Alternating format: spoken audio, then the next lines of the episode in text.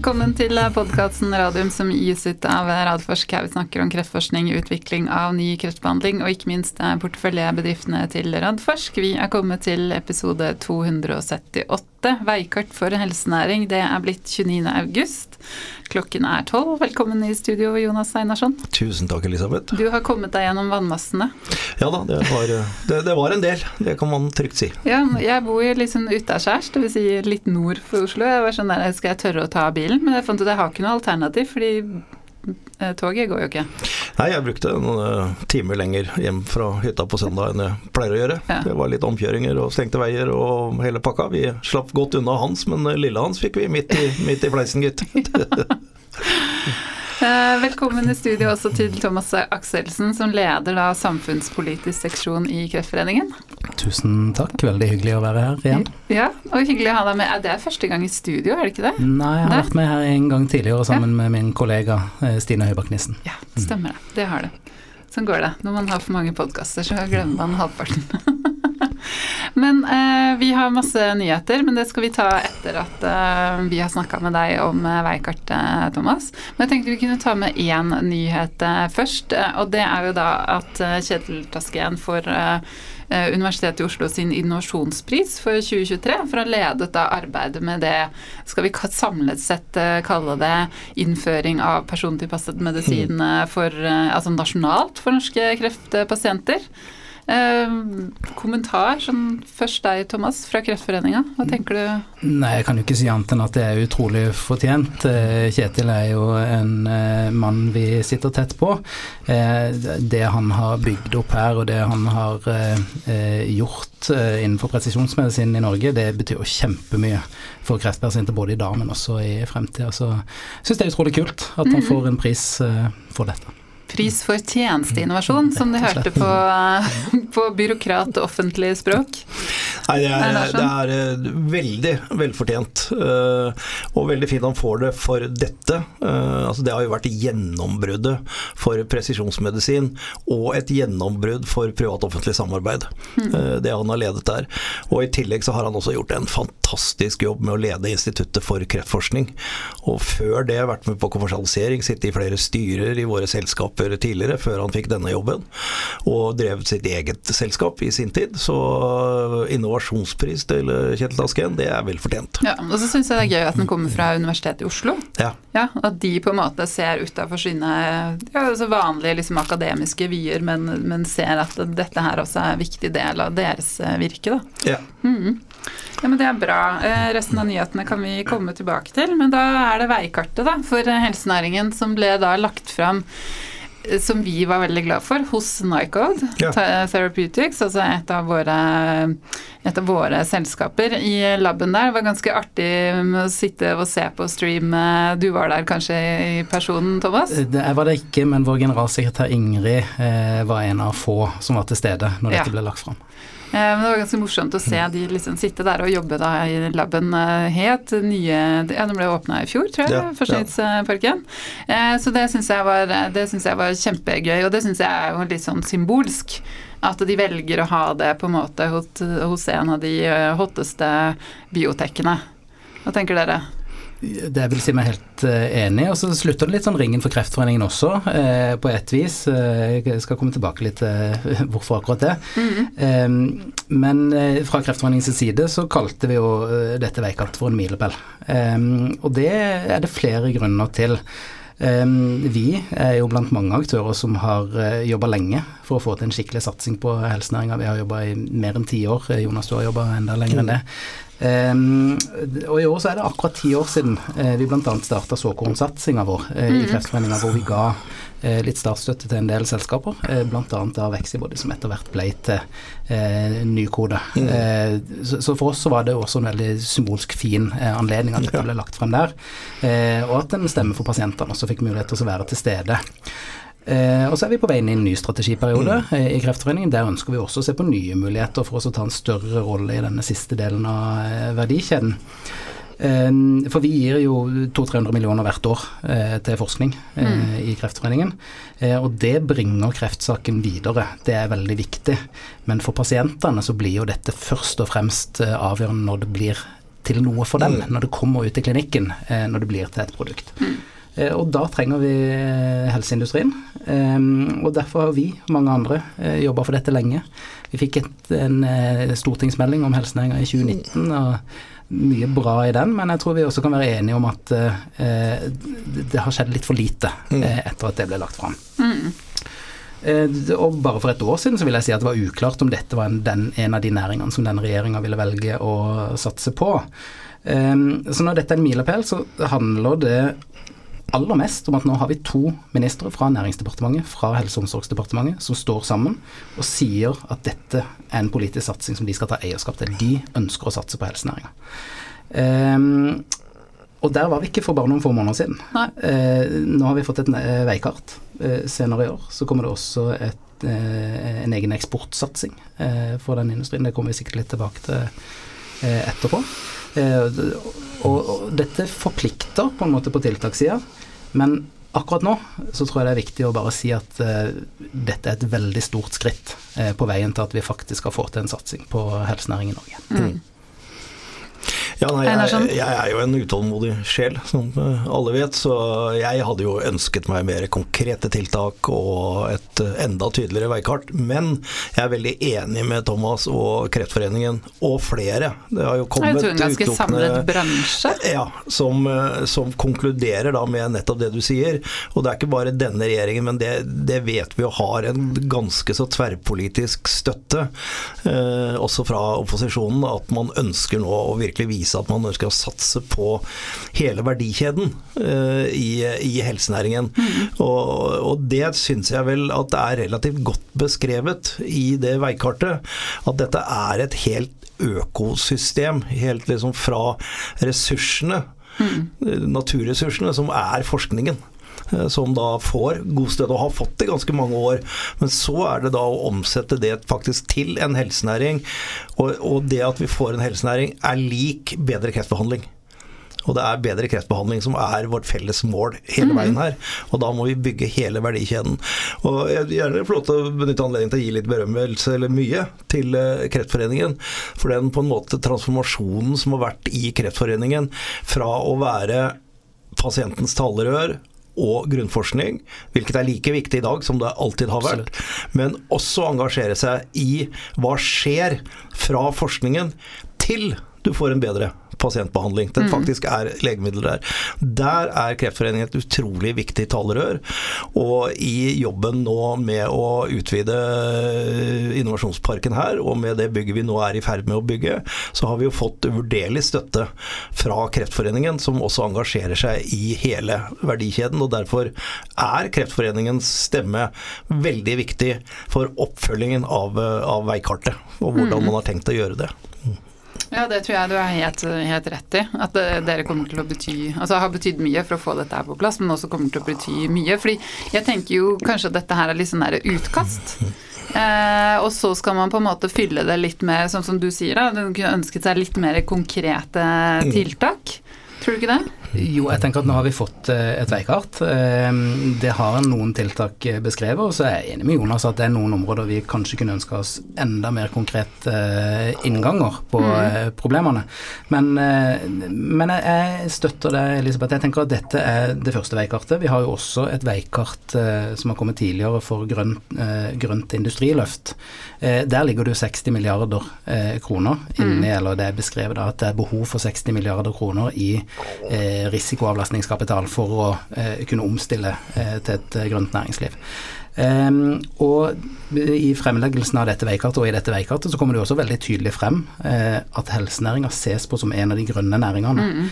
Uh, sånn at når det kommer et revidert veikart etter hvert for uh, grønn Eh, næring, mm. så tenker jeg også at da kommer det et revidert veikart etter hvert også for helsenæringa, mm. eh, hvor man enda tydeligere beskriver hvordan eh, man skal putte penger på dette. Og jeg, mm. jeg syns jeg hørte Vestre si ganske tydelig at det skal eh, følge friske midler med til ja. den satsinga som kommer.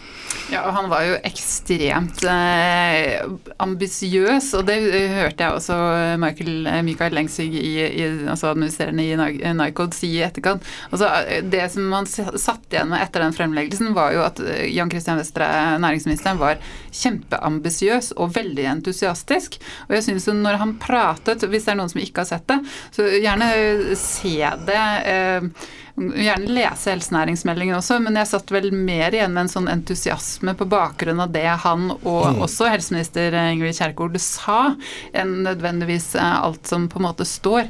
Eh, så jeg tenker at hvis de på en måte klarer å legge den eh, entusiasmen og ambisjonsnivået bak gjennomføringen her, så lover det jo ekstremt godt. Jeg er helt, eh, helt, enig, og det er avgjørende. Men den entusiasmen er også en utrolig viktig kapital i seg sjøl. Det å faktisk ha politisk ledelse med seg på den satsinga som skal komme, mm. er avgjørende for at vi skal lykkes. Men så tror jeg også vi ser det motsatte på den andre sida av bordet, om vi kan kalle det det. Eh, dere nevner at reaksjonene totalt sett har vært veldig eh, positive.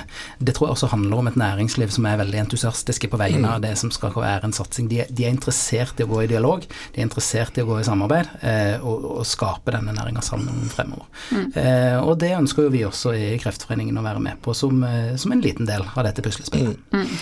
Ja, det er, du har helt rett i det. Det er, det er, mange initiativ som er der ute nå til å utvikle helsenæringen videre.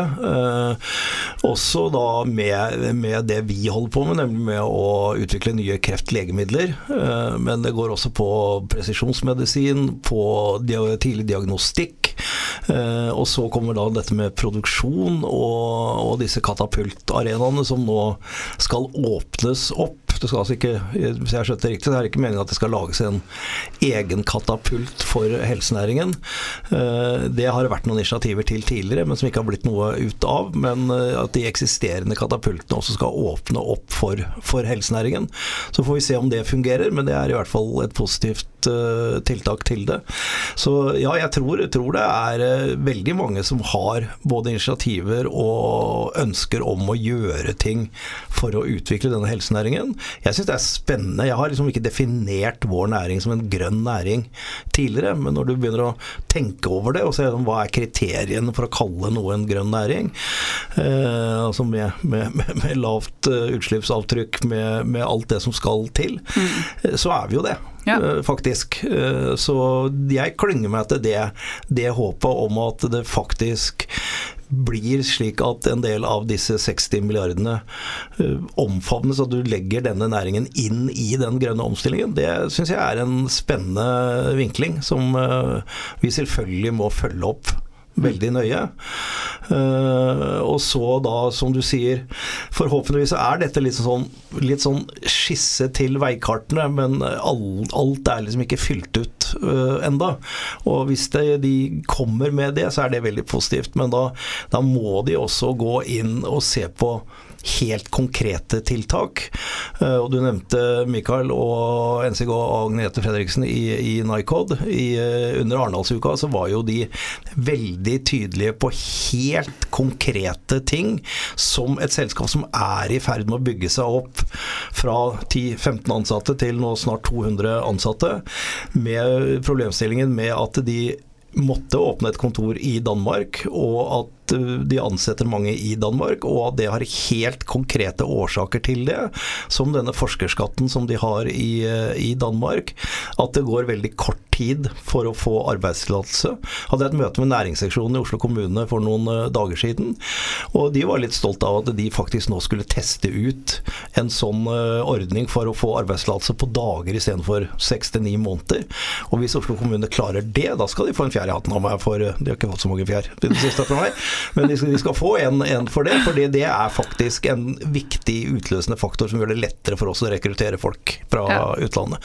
Så, men det og så det, det er evig mas, men det er altså viktig med dette med en skatteinsentiv for å få folk hit bare å kopiere den danske modellen direkte, for den fungerer aldeles utmerket. Og så er det det evige med, med opsjon og formuesbeskatning. Men kan du si at den, det løpet er eh, kjørt, men jeg syns ikke det. Jeg syns de må kunne finne en løsning som tar vare på disse selskapene som er i utviklingsfasen, og disse gründerne og de som tør å satse på det. Og så får de finne en annen løsning, eller beholde den de har for disse superrike som allikevel flytter til Sveits. Og det blir jo ikke noe mer skatt ut av det.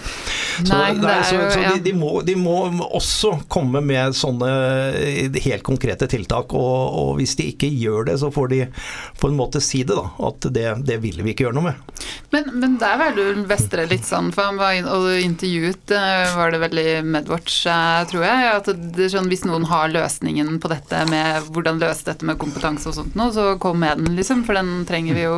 Hva tenker du, Thomas? Ja, nei, Jeg hører mye av det samme som du sier. Ja. Eh, at han inviterer til løsningene. De løsningene har jo blitt presentert. Eh, og så tenker jeg nok at det sitter litt langt inne foreløpig mm. for denne regjeringa å gå i den retningen. Mm. Men jeg tror kanskje den diskusjonen også vil tvinge seg fram på et eller annet vis. fordi at når man nå går inn for en satsing på dette, så vil jo det også forplikte til at man går skikkelig inn i det. Mm. Ja. Og når man da ser hva som faktisk skal til, så må vi forvente at man tar de grepene som skal til etter hvert.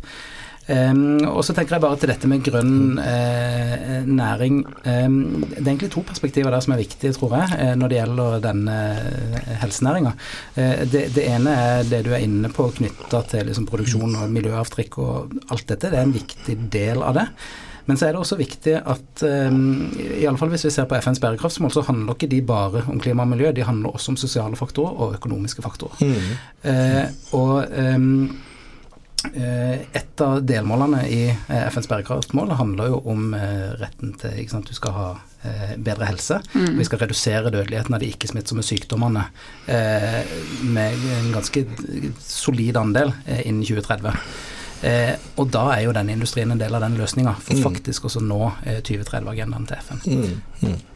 Absolutt, og det er vel noe av det man også ser i EU eh, e sin eh, Cancer Mission, og, og hvordan de, altså EU generelt satser på dette med helse. Mm. Eh, og, og, det syns jeg, hvis vi skal begynne å snakke litt om tiltakene, de konkrete liksom, grepene, så, så, har jo regjeringen nå knytta seg veldig tett opp til bl.a. de programmene i EU nå som går på kreft, men som også går på helse. Blant, blant annet det derre Invest in EU, mm. eh, som jeg mener at vi har hatt oppe i podkasten tidligere med, med, et konkret eh, selskap som sa at de ikke hadde fått eh, tilgang til dette. Altså konkrete investeringer eller lån fra EU, som de nå på en måte har Det har de ordnet. Så, så det er også en mulighet, da. Ja. Og det er jo mye penger i EU-systemet.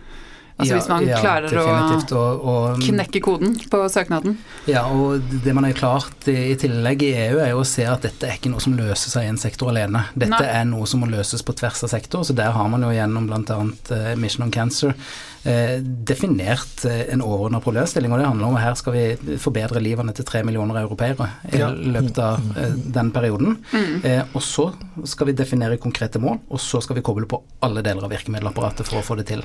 Sånn at det, Jeg ser jo også at man nå begynner å tenke de samme baner, i alle fall når det gjelder dette med helsenæringa. Man ser dette i sammenheng at det her må helsesektoren inn, og så må nærings departementet inn. Og så må utdanningssektoren inn, og vi mm. må ha med oss skattepolitikken og i det hele tatt. Ja. Um, og så håper jeg at det forplanter seg enda mer da, eh, mm. i de nasjonale planene uh, som kommer fra de ulike departementene. Uh, og jeg sikter da særlig til kreftstrategien som skal komme til neste år. Mm. Uh, det er en forventning altså fra oss i Kreftforeningen om at den klarer å koble seg til disse europeiske mm. satsingene og klarer også å se på dette som et tverrsektorielt eh, ja. Eh, problem som må løses. Ja, jeg er helt enig. og Det er en annen ting også som har dukket opp nå mer og mer, og det er jo at når vi tidligere i Norge snakker om å bygge næring, så snakker vi antall hoder arbeidsplasser. Det er viktig å skape nye arbeidsplasser. Altså bare Thermo Fisher er 120 arbeidsplasser som hadde forsvunnet ut av Norge hvis vi ikke hadde klart å beholde de her. Men det er et annet begrep som man har begynt å bruke nå, det er høyverdi arbeidsplasser. Og det syns jeg er et veldig godt begrep. fordi at hvis vi ser på, arbeid, nei, på verdiskapning per arbeidsplass i de bedriftene innen helsenæring som lykkes, så er jo det enormt. Mm. Altså Verdien av selskapet altså Nycod var 20 ansatte, de er 180 ansatte nå. De har en børsverdi på 7-8 milliarder kroner. Uh, og, og, dette vil vi se med de selskapene som lykkes, at vi skaper kjempestore verdier. Uh, det, det, gir uh, avkastning, det gir skatteinntekter, og ikke minst så gir det verdier til de som har investert i selskapene. Og verdier skaper verdier, og da får, kan vi få Få en positiv spiral. Få en positiv spiral, mm folk investerer igjen. Så dette med høy verdi arbeidsplasser syns jeg er et godt begrep. Mm. Absolutt. Er det noen andre ting du har merka deg av de tiltakene som du har lyst til å komme inn på spesifikt, Thomas? Ja, et godt spørsmål. Det er jo for så vidt ganske mange. Det er veldig mange. Vi har liksom tolv områder. Jonas nevnte noe, bl.a. dette med katapulter. Jeg leser faktisk to forskjellige ting der, for de skriver litt om det både under dette egne kapittelet om testfasiliteter, men også under kapittelet om produksjon. Mm. Sånn at i første omgang så har jeg inntrykk av at man skal se på eh, hvordan man kan tilpasse eksisterende fasiliteter mm. eh, og få inn eh, helsenæringa i de. Men hvis man leser det kapittelet om eh, produksjon, så leser jeg også at man sterkt skal vurdere om det trengs egne katapulter på innenfor helseindustrien. Ja. Eh, og her tenker jeg at det kanskje er litt sånn ulike behov også, ut ifra mm. ulike typer satsinger på helseindustri. her kommer på en måte legemiddelsatsinga er den ene biten, men så har man jo også digital helse og medisinsk utstyr.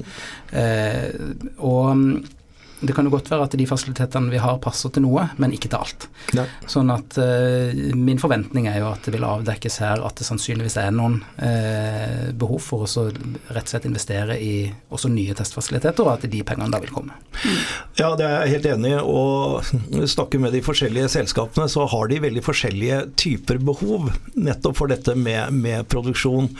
Én uh, ting er at hvis du skal ha storskala produksjon av noe som skal gjennom peptider peptidsynteser, eh, den type ting, som disse kreftvaksinene er, så fins det veletablerte store selskaper og bedrifter i utlandet, i Tyskland bl.a., som gjør det. At vi skal bygge opp en sånn storskalaproduksjon i Norge og konkurrere med det, er jeg veldig usikker på om er riktig satsing. Men så har du mer når du går over på celleterapi, når du går over på det mer avanserte, hvor du skal lage prosessene rundt å produsere produktet.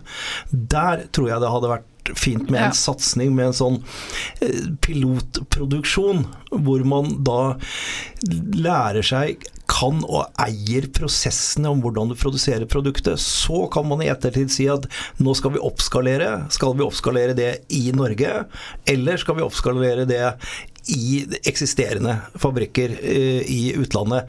Det kan nok være forskjellige valg på det, men spesielt da f.eks. innen selvterapi, så tror jeg fremtiden for oss vil være, og det er jo det vi prøver med vårt felles eh, satsingsområde på det avanserte selvterapisenteret, å se om ikke vi klarer å gjøre denne produksjonen selv her i, eh, i Norge.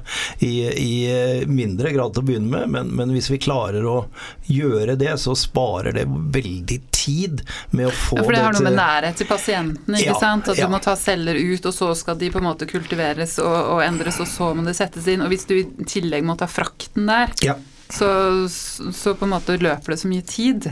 Ja da, og ja, det er igjen sånn i, i forhold til det, det, grønne også der. Når mm. du driver og frakter disse prøvene fram og tilbake rundt omkring i verden med, med fly, så, mm. så, er jo det også en, en, del av det store bildet.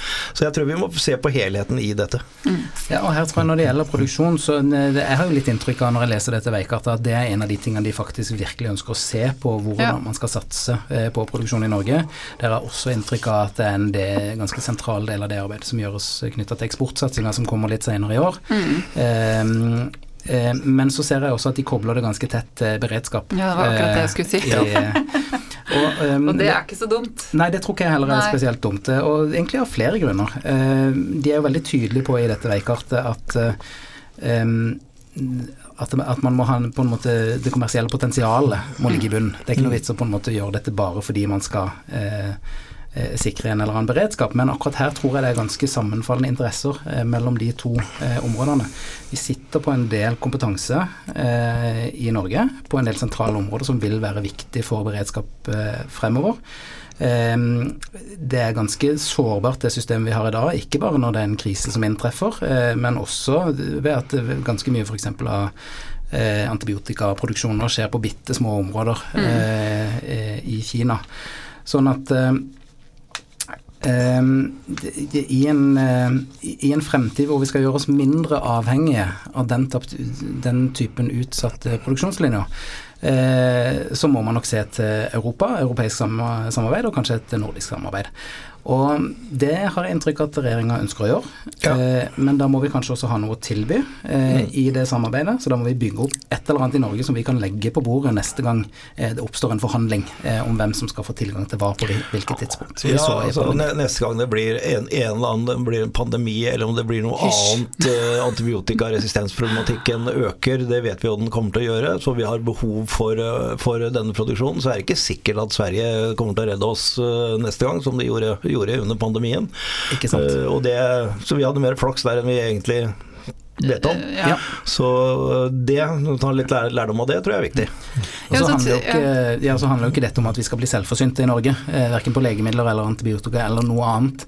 Eh, men det finnes et kommersielt potensial her, eh, og det finnes også veldig gode beredskapsgrunner til å bygge opp en viss produksjon og en viss kapasitet og en viss eh, kompetanse i Norge. Ja. Mm. Sånn at eh, det til sammen eh, gjør at jeg tror at dette er et interessant område å følge med på videre. Ja, absolutt. Og så tror jeg det er veldig viktig det du sier med at at vi, vi, må på en måte ha noe eget som vi kan ha her i Norge. Mm. Nettopp fordi de store altså livsvitenskapsmiljøene i Danmark og Sverige er så store og gode.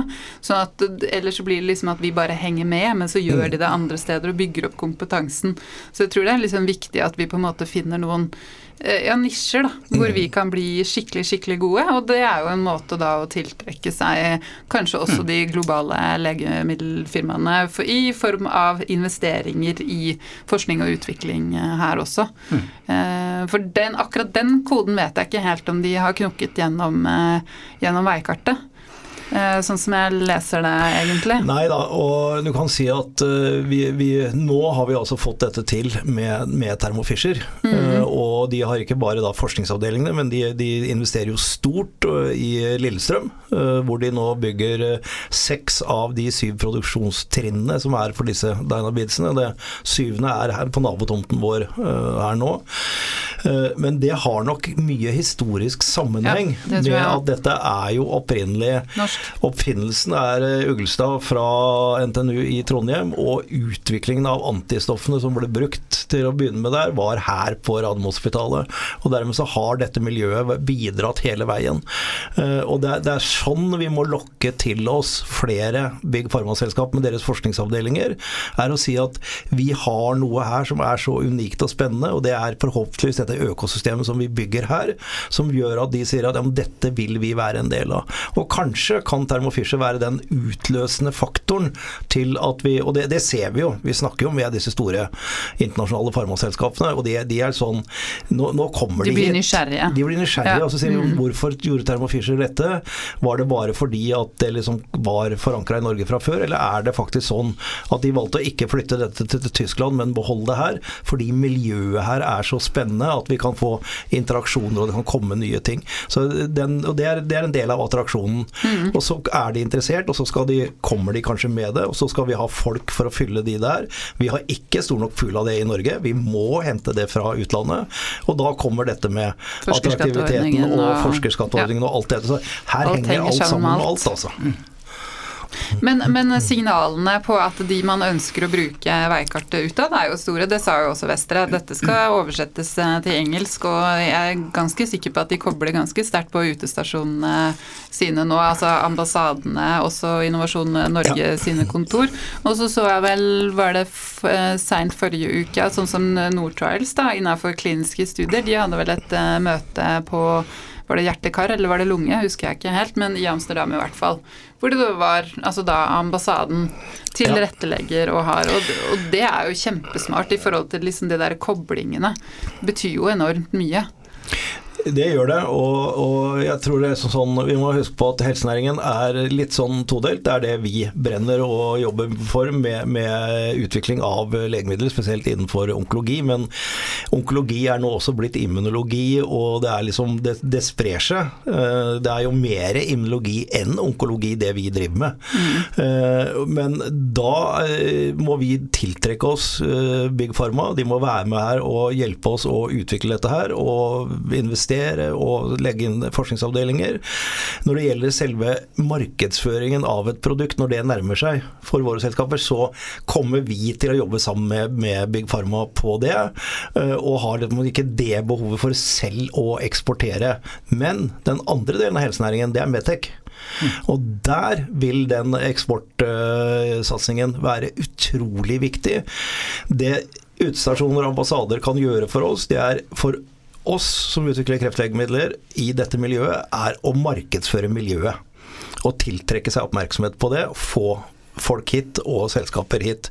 Men for medtech-industrien, som jeg ikke kan noe særlig om, men der er det jo helt tydelig at der er det, selv, der er det å bli kjent med markedene. Hvordan fungerer markedsmekanismene i disse forskjellige landene. Sånn, der er litt gamle Eksportrådet som, og, og, den delen, og den er kjempeviktig for de. Og så vil medtech-industrien si ja, men de får vi ikke til hvis vi ikke har et hjemmemarked. Og da har du innkjøpsordningen og testpiloter og den delen der. Så den, den er også, tror jeg for Medec-industrien, tror jeg også dette her er svært viktig, det veikartet. Ja, absolutt. Og eh, jeg tror en del av disse tingene faktisk også kommer til å bli enda klarere når denne eksportsatsinga kommer litt eh, ja. senere i år. Der tror jeg man kommer til å komme enda mer konkrete tiltak, både innenfor de indirekte virkemidlene som, som vi har snakka litt om nå, som skatt og eh, tiltrekke seg kompetanse på ulike måter.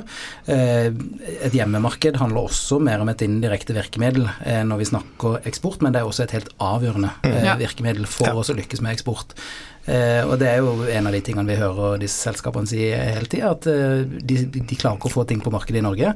Og så ser de seg tvunget til å reise ut mm. og prøve å selge det ute. Men når de så skal selge det ute, så er jo det første spørsmålet de får, eh, er dette tilgjengelig i Norge, og hva er erfaringene med det i Norge? Ja. Og så er svaret at nei, det er det ikke. Nei. Nei. Så, sånn at dette her, eh, som du sier Jonas, alt eh, henger sammen med alt. Mm. Eh, men jeg ser jo også at både Vestre og Kjerkol er tydelige på at dette skal de ta ut. man man hadde jo en eh, lansering av Northchiles eh, under Esmo eh, på ambassaden i Paris i fjor, mm. hvor man hadde en internasjonal lansering fulgt opp med dette møtet i Amsterdam. Jeg vet at man skal ha et tilsvarende møte nå i Madrid, mm. under Esmo, på ambassaden i Madrid. og jeg forventer jo at de gjør akkurat det samme mm. med både dette veikartet og eksportsatsinga når den kommer. At man tar det ut via både virkemiddelapparatet og ambassadene sine, mm. og sørger for oss å selge Norge som ikke bare laks og olje og Olje og gass, det er viktige ting det òg, men ja. Eh, helse også er viktig. Men det med hjemmemarkedet også var jo de krystallklare på, da, at dette her skal de prøve nå å fikse gjennom å se mm. på hvordan man kan bruke mer innovative offentlige anskaffelser. For det, der har man jo et redskap, rett og slett. Mm. Her må man jo kunne legge inn noen føringer som gjør at om ikke det blir kjøpe norsk først, så i hvert fall på en måte se på hvordan man kan innrette, innrette dette her. Ja, helt ja. enig. Og her, her, må man bare bruke liksom de den, Den styringsretten man har, mm. så langt det er mulig å bruke den. Eh, og det skal på ingen måte gå på bekostning av kvalitet. Men jeg er helt enig med deg, Elisabeth. Her må man, her må man komme noen skritt videre mm. hvis vi skal mm. lykkes. Absolutt. Vi, vi, snakker og vi snakker, men bare et par ting til som jeg tenker at eh, vi må innom. Eh, og det var, er det nye Skal vi se, må se ordentlig i notatene mine. Direktoratet for medisinske produkter. Eh, som er, altså er, ligger under helseteknologi, persontilpassa medisinkapitlet. Det hadde ikke jeg fått med meg, men jeg skjønte at du visste litt mer om, eh, Thomas? Ja, dette er jo egentlig en del av den totale gjennomgangen som ble gjort av Røttingen av helseforvaltninga, eh, som har ført til en god del endringer, bl.a. Kreftregisteret flyttes til Folkehelseinstituttet, man slår sammen Helsedirektoratet med Helsedirektoratet. Eh, og så er det det at Legemiddelverket nå blir til Direktoratet for medisinske produkter. Eh, man får et større ansvar eh, innenfor en del områder, bl.a. knytta til metodevurdering. Eh, man skal også flytte noe som som gjelder vaksiner fra Folkehelseinstituttet over i dette nye eh, direktoratet. Eh, men de får et større totalt ansvar eh, for leveransene. Eh, Her har jo vi vært bekymra for en del av de tingene som har skjedd i Legemiddelverket mm. over tid. Og det er liksom Det er ikke bare Legemiddelverkets feil som sådan. Eh, men, men, men, de har eh, De lekker kompetanse, dessverre. Ja. Eh, og eh, Det blir jo støvsugd over i legemiddelindustrien. Ja, det, det, er det jo ingen som er tjent med. Ja, men også andre mm. statlige aktører. Mm. Eh, som enten betaler bedre, eller som av andre grunner er mer attraktive som arbeidsplasser. det, problemet er at det fører til ganske store eh, korker eh, i dette systemet, særlig da når det gjelder innføring av nye legemidler. Fordi man bruker veldig mye energi eh, på å eh, lære opp nye, og på å rekruttere nye mennesker. Mm. Eh, I tillegg til at det er veldig mye av den seniorkompetansen som har eh, forsvunnet ut. Sånn at nå skal de jo gjennom en periode hvor de både skal fortsette å drifte dette systemet, i tillegg så skal de videreutvikle det eh, med tanke på å møte en ny fremtid, og så skal man i tillegg omorganisere seg. det er krevende. Det, det krever ganske ja, er... stødige hender på rattet. Men jeg tenker samtidig at vi, vi, vi, vi, må forvente at dette bringer en del bra ting med seg. Mm. Og jeg tenker at Når man nå gjør disse endringene fra departementet sin side, så bør man også sende noen ganske tydelige signaler og forventninger ned til dette nye direktoratet. Eh, det handler bl.a. om eh, det jeg så vidt nevnte nå, som gjelder metodevurderinger. Mm. Eh, man må forvente at den kapasiteten skal være god nok til at tida går ned. Eh, og som Kreftforeningen og på vegne av pasientene, så er ikke vi egentlig opptatt av saksbehandlingstida eh, som sådan. Vi er opptatt av hvor lang tid det tar før pasienten får tilgang. Eh, og det krever både rask saksbehandling, men det krever også veldig godt samarbeid mm. med industrien. Eh, sånn at her må disse to aktørene finne sammen mm. og finne en løsning på det problemet. Men i tillegg til det så har jo Legemiddelverket og da etter hvert Direktoratet for medisinske produkter også mange andre ansvar. Beklager. Um, og det gjelder uh, bl.a. knytta til kliniske studier. Uh, mitt ønske er at uh, det går en tydelig bestilling fra departementet nå på at dette direktoratet skal måles på hvor mange kliniske studier de legger til rette for at uh, gjennomføres i Norge. Mm. De har en viktig kontrollfunksjon knytta til kliniske studier, men hvis man bare måles på kontrollfunksjonen og ikke på tilrettelegging, så ender det opp med at man leverer mye bedre på kontroll ja. enn på tilrettelegging. Det er sånn at det er et uh, veldig sterkt ønske uh, at man jobber med kulturen rundt hvordan man ser på disse tingene. Mm. Og det er jo kjempeviktig, i hvert fall hvis det da blir sånn altså Nå har vi ikke um, resultatene for, for dette året, men hvis det, altså i hvert fall per nå så ser det jo muligens ut som vi går inn for en dipp i kliniske studier. Så det du sier da med det der å tilrettelegge for å tiltrekke seg studier, det er eh, helt uh, ekstremt uh, viktig, altså. Mm. Virkelig. Jeg tror det er et veldig viktig poeng du har med kultur, og hvorfor har vi nå så har vi opprettet dette direktoratet og legger Legemiddelverket inn der. Er det for at vi skal bli enda bedre på å kontrollere? Eller er det at vi skal bli bedre for å tilrettelegge? Uh, og Det er litt sånn, det er ikke alltid det er lurt å se til USA, men akkurat på dette området så er det litt sånn FDAs innstilling til dette er krystallklar. Det er hvis dere kommer med noe som vi syns ser ut som bør testes ut i pasienter, og få det frem til pasientene, så skal vi gjøre alt vi kan for å legge til rette innenfor kontrollerte former og mm. etter alle regler. Men vi skal legge til rette for at det skal skje så raskt som mulig. Og Det er også det med å se på hvilke type studier det er, hvordan du designer studiene. Nå svinger pendelen på det. Vi hadde en periode nå hvor vi hadde veldig små studier, og som fikk godkjenning veldig tidlig, også FDA. Det har ikke bare vært heldig, men vi kan ikke gå tilbake til der hvor vi skal ha 3000 pasienter i en studie som tar fem år, når vi egentlig kan få resultatene i løpet av et par år. Så dette er dynamisk, og, og, det må legges til rette for hele tida. Der tror jeg de kan spille en, en viktig rolle, forhåpentligvis. Det krever kompetanse ja. eh, hos dette direktoratet, og det krever som du sier, det krever en kultur for å legge til rette. Sånn at eh, ja, hvis det oppstår en utfordring, så skal man si fra at eh, dette er ikke måten vi kan gjøre det på, men her har vi et forslag til hvordan dere mm. kunne gjort det. Mm. Det bør være ryggmargsrefleksen i mine øyne. Og det bør jo være ekstremt spennende å kunne jobbe med, da. Helt. Eh, I innføring av innovative legemidler og studier til Norge. Ja. Hvis man kan på en måte være litt sånn pragmatisk og forme den rollen ut fra hva du ser er liksom cutting edge av hva som kommer. En ting til jeg tenkte du skulle snakke om, var disse, denne nye superklyngen.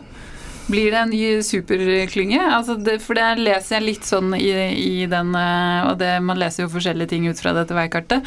Men man skal både få liksom se på hvordan man legger til rette for klyngeprogrammet videre, men også at det blir oppfordret til tettere samarbeid mm. mellom de helseklyngene man har. Jeg vet ikke hvordan dere leser det, Thomas? Ja, det står vel ganske tydelig i dette veikartet at det skal eh, bli en superklynge, men her vet jeg ikke om Jonas kanskje er enda nærmere til å kunne gi noen Nei, altså det, dette er i sonderingsfasen. Uh, klyngene snakker heldigvis godt sammen, og det gjøres et utredningsarbeid i de forskjellige klyngene. Hvilke klynger som passer sammen, og hvordan man eventuelt skal organisere det. Beholde identiteten.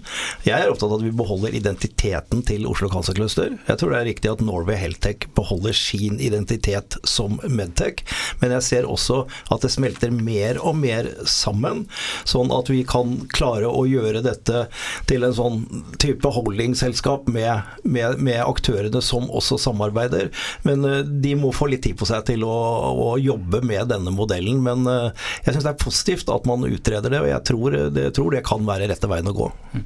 Og så syns jeg det er veldig positivt at eh, dette veikartet er tydelig på at klyngene skal spille en viktig rolle for at vi skal ja. lykkes med dette her.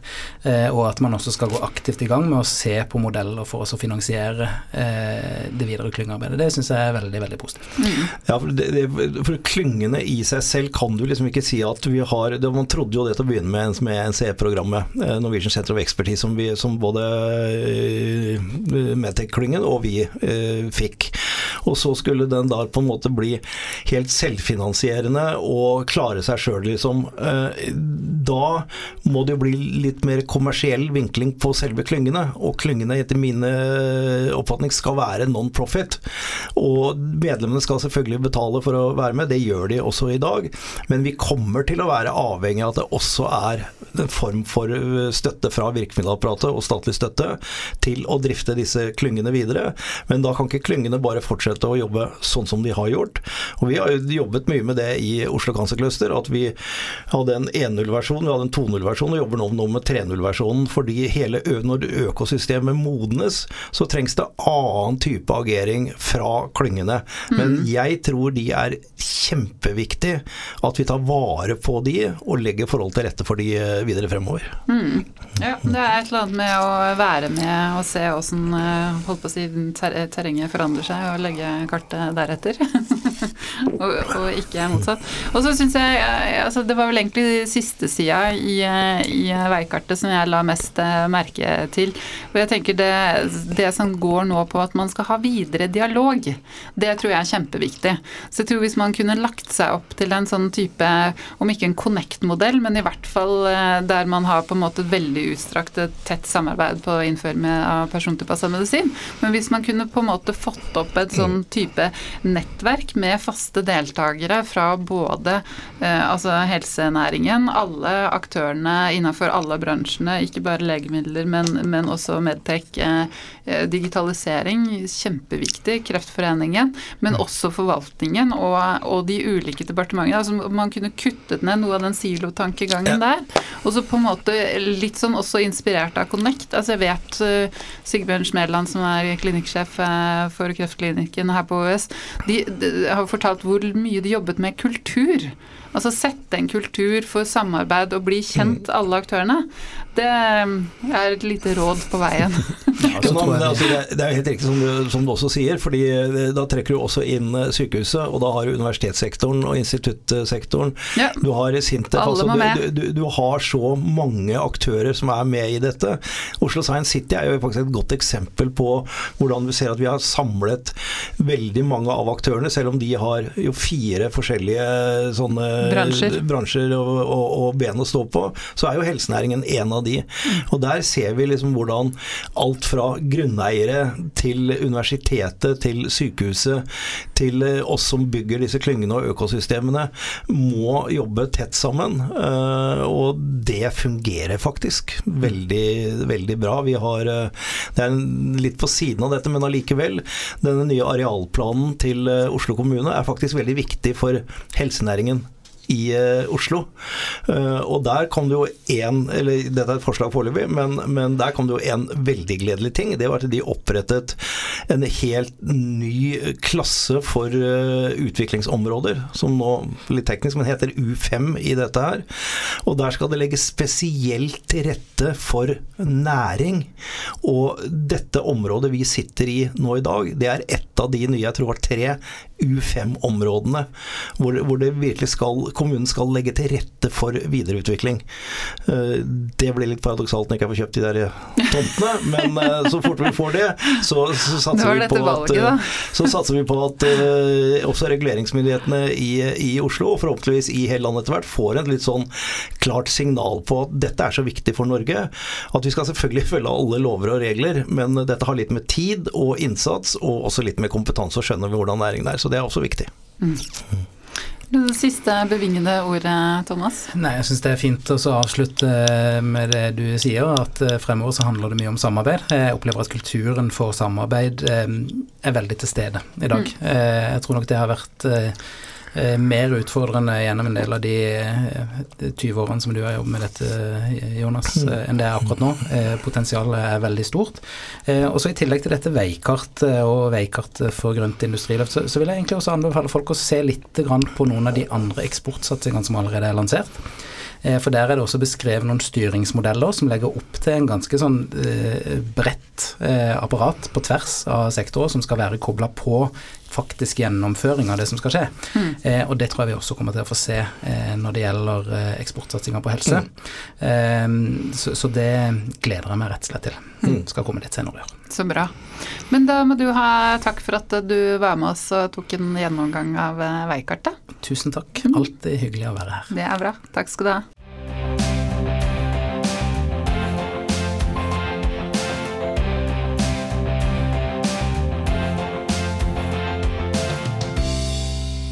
Yes, da tar vi litt uh, nyheter fra selskapene våre. Jeg tror vi var innom det i forrige episode, Jonas, at vi er jo midt inne i sånn kvartalsrapportbonanza. Ja. Uh, og, og, med veikart og alt mulig annet som skjer. Så. Ja, det, har, det har vært litt, litt, litt, vanskelig å få, få, med seg alle detaljer, må jeg ærlig innrømme. Det har vært litt mye mye av disse Ja, men da, da, er vi to, og det er derfor vi skal invitere selskapene inn, så ja. de kan presentere det for oss, så vi kan forberede oss skikkelig. Men vi kan jo begynne med Sirkio. altså altså tidligere Targovax. Og det, de har jo hatt et uh, travelt uh, halvår. Ja. Det er jo bare et halvt år siden de fremdeles het Targovax, og de har på en måte lagt en ny strategi. strategi. rebrandet det. Nå satser de da tungt på nettopp det med sirkulært RNA. så vidt jeg fikk med meg, så har de nå utviklet det de kaller et teknisk proof of concept. Ja. og så blir det jo egentlig bare spennende å se Eh, hvor kjapt de kan gå framover nå for å få dette her inn i klinikk. De er jo ganske tydelige på selv ja. at de er Altså ser ut til å være noen av de som er lengst framme i verden på akkurat eh, denne teknologien. Ja. Eh, og de ansetter eh, folk, og så er det vel egentlig det det handler om nå i det racet. Ja da, det det. Er det. det er, sånn litt enkelt sagt så er det en del utfordringer med mRNA teknologien mm. som de mener de har en løsning på. Uh, og hvis de klarer å vise at de har den løsningen på disse problemene, med at disse flate MR-ene blir spist opp, men ikke, ikke, ikke blir ikke de det når, når, de er runde, uh, så er jo det fantastisk spennende. Mm. Så, men her må vi bare, bare vente og se at, mm. hva som kommer og, og, når det kommer. og hvis jeg forstår det riktig, så kan vi forvente at det, det, det kommer resultater av dette relativt raskt. Ja. Det, vi inviterer de i podkasten, så vi kan snakke mer om det. Eh, Nycode eh, de hadde jo da sin eh, halvårsrapport eh, seinere på dagen, eh, samme dagen som veikartet ble lagt frem. Ja. Så de hadde en eh, særs eh, travel, travel, dag. Um, og det er mye man kan kommentere på. Jeg vet ikke om du har lyst til å begynne? Nei, jeg tror jeg kan uh, sitere litt uh, Geir uh, Hiller Holum, analytikeren. Ja, i DNB? Ja, i DNB, som sier at de har jo fortsatt en veldig sterk cash-posisjon. Mm. De har fortsatt inntekter, og det vil de jo få også fremover pga. sine avtaler. Selvfølgelig brenner de veldig mye, det er nesten 200 ansatte. Mm. Men det ser veldig lovende ut, og så vidt jeg kan lese, Michael, så, så er de på track med det de skal gjøre. De holder jo fast ved at de skal starte denne nye hodehalsstudien med første pasient i tredje kvartal. og Det er etter mine beregninger ca. en måned igjen av av det. Mm. Så der bør vi jo forvente noen eh, nyheter om det ganske kjapt. Eh, og nye data forhåpentligvis fra deres egne programmer mm. som kommer. Så det virker som de både er optimistiske og at de har god rekruttering, får inn de folka de trenger. Mm. Og så langt ser det, ser det veldig spennende ut. Mm. De tinga jeg merka meg, var jo at de da varsler at de kommer med en ny utviklings kandidat innen kreft i fjerde kvartal. Ja. Det syns jeg var kjempespennende. Eh, også som du sier, altså apropos rekruttering, de har jo nå satt opp en egen forskningsgruppe innenfor det autoimmune sykdomsområdet, altså tolerance, som de kaller det, da. Eh, og har rekruttert eh, Henrik Søndegård, som hadde imponerende mm. Eh, CV fra før av. Så det blir jo spennende å se når de på en måte får konsolidert den gruppen, og se hvor de, hvor de går. Um, og så varsler de jo da at de skal ha to kapitalmarkedsdager i både New York og Oslo i slutten av september. Ja. Uh, en var 20. og en var 27., men jeg husker ikke hvor, hvor, den ene var og hvor den andre var. Um, og det syns jeg også er spennende, og som da uh, Geir skriver i sin analyse, at her kan man jo forvente at det kommer uh, Eh, flere nyheter, eh, kanskje. Det, det, vet man jo ikke. Og så I tillegg så har de jo en rekke milepæler å følge med på, på året. Ja. Altså, du nevnte jo noen. Mm. Eh, og så er det vel også oppstarten da av den eh, altså fase tre-studien innenfor eh, cervical Jeg klarer ikke å snakke norsk-engelsk i dag. Takk. I USA, som også er da forventet ja. i, i, fjerde kvartal. Eh, og så la jeg merke til en annen ting også som, som Geir eh, kom med. Og det er jo nettopp det at den eh, mediane overlevelsen på fase to-studien i livmorhalskreft, den er jo enda ikke nådd. Eh, og nå eh, og, og, jeg satt og så på de tallene i stad. Altså nå har det gått mer enn 25 eh, måneder og, hvis du ser, altså, og, og, i presentasjonen så hadde de da satt opp de andre altså historiske data på dette, mm. og, og, så mer enn 25 måneder lå langt over de andre som lå Nå husker jeg ikke helt eksakt, jeg skal ikke si de tallene, men ja. eh, Men ja. igjen en, en, en, en, Liten pasientgruppe. Liten pasientgruppe, men, men uh, en antydning til en god klinisk effekt som vi Og det er jo det vi, det er det vi ønsker, at vi da klarer å opprettholde det i større studier. Det er jo utfordringen utfordringen. Men, eh, men eh, mye bedre med en eh, god klinisk effekt med, med få pasienter enn en omvendt. Ja, absolutt. Og I forhold til Ultimovax så var vi kort innom de forrige uke også. Men i forhold til bare å sitere litt fra, fra Geir igjen der, så de, de også tolker jo dette med at man nå må utsette avlesningen positivt. Eh, og så blir det jo spennende å se altså Jens Bjørheim, eh, bensinsdirektør, var intervjuet i Medwatch i forhold til den diskusjonen man har på eventuelle nye endepunkter ja. eh, internt der. Så blir det jo spennende å se når man eventuelt får en oppdatering i markedet på det, da. Ja, og det, det har nå selskapet sagt at ja, det er riktig at man uh, ser nå at uh, det er lite sannsynlig å se disse eventene mange nok i løpet av 23, så derfor utsatt det til 24. Eh, og så skal man nå gjøre en intern vurdering om det er mulig å se på annen type endepunkter. Eh, diskutere det internt og diskutere det med myndighetene, og så vil selskapet oppdatere hvis det gjøres noen endringer. Mm. Det er viktig å ta en intern vurdering på det først. Um, yes, vi er tilbake neste uke. Vi har ikke booket inn noen gjest ennå, men det satser vi på at vi får. Hvis ikke så får vi finne noe annet å prate om. Det klarer vi sikkert også. Takk for i dag.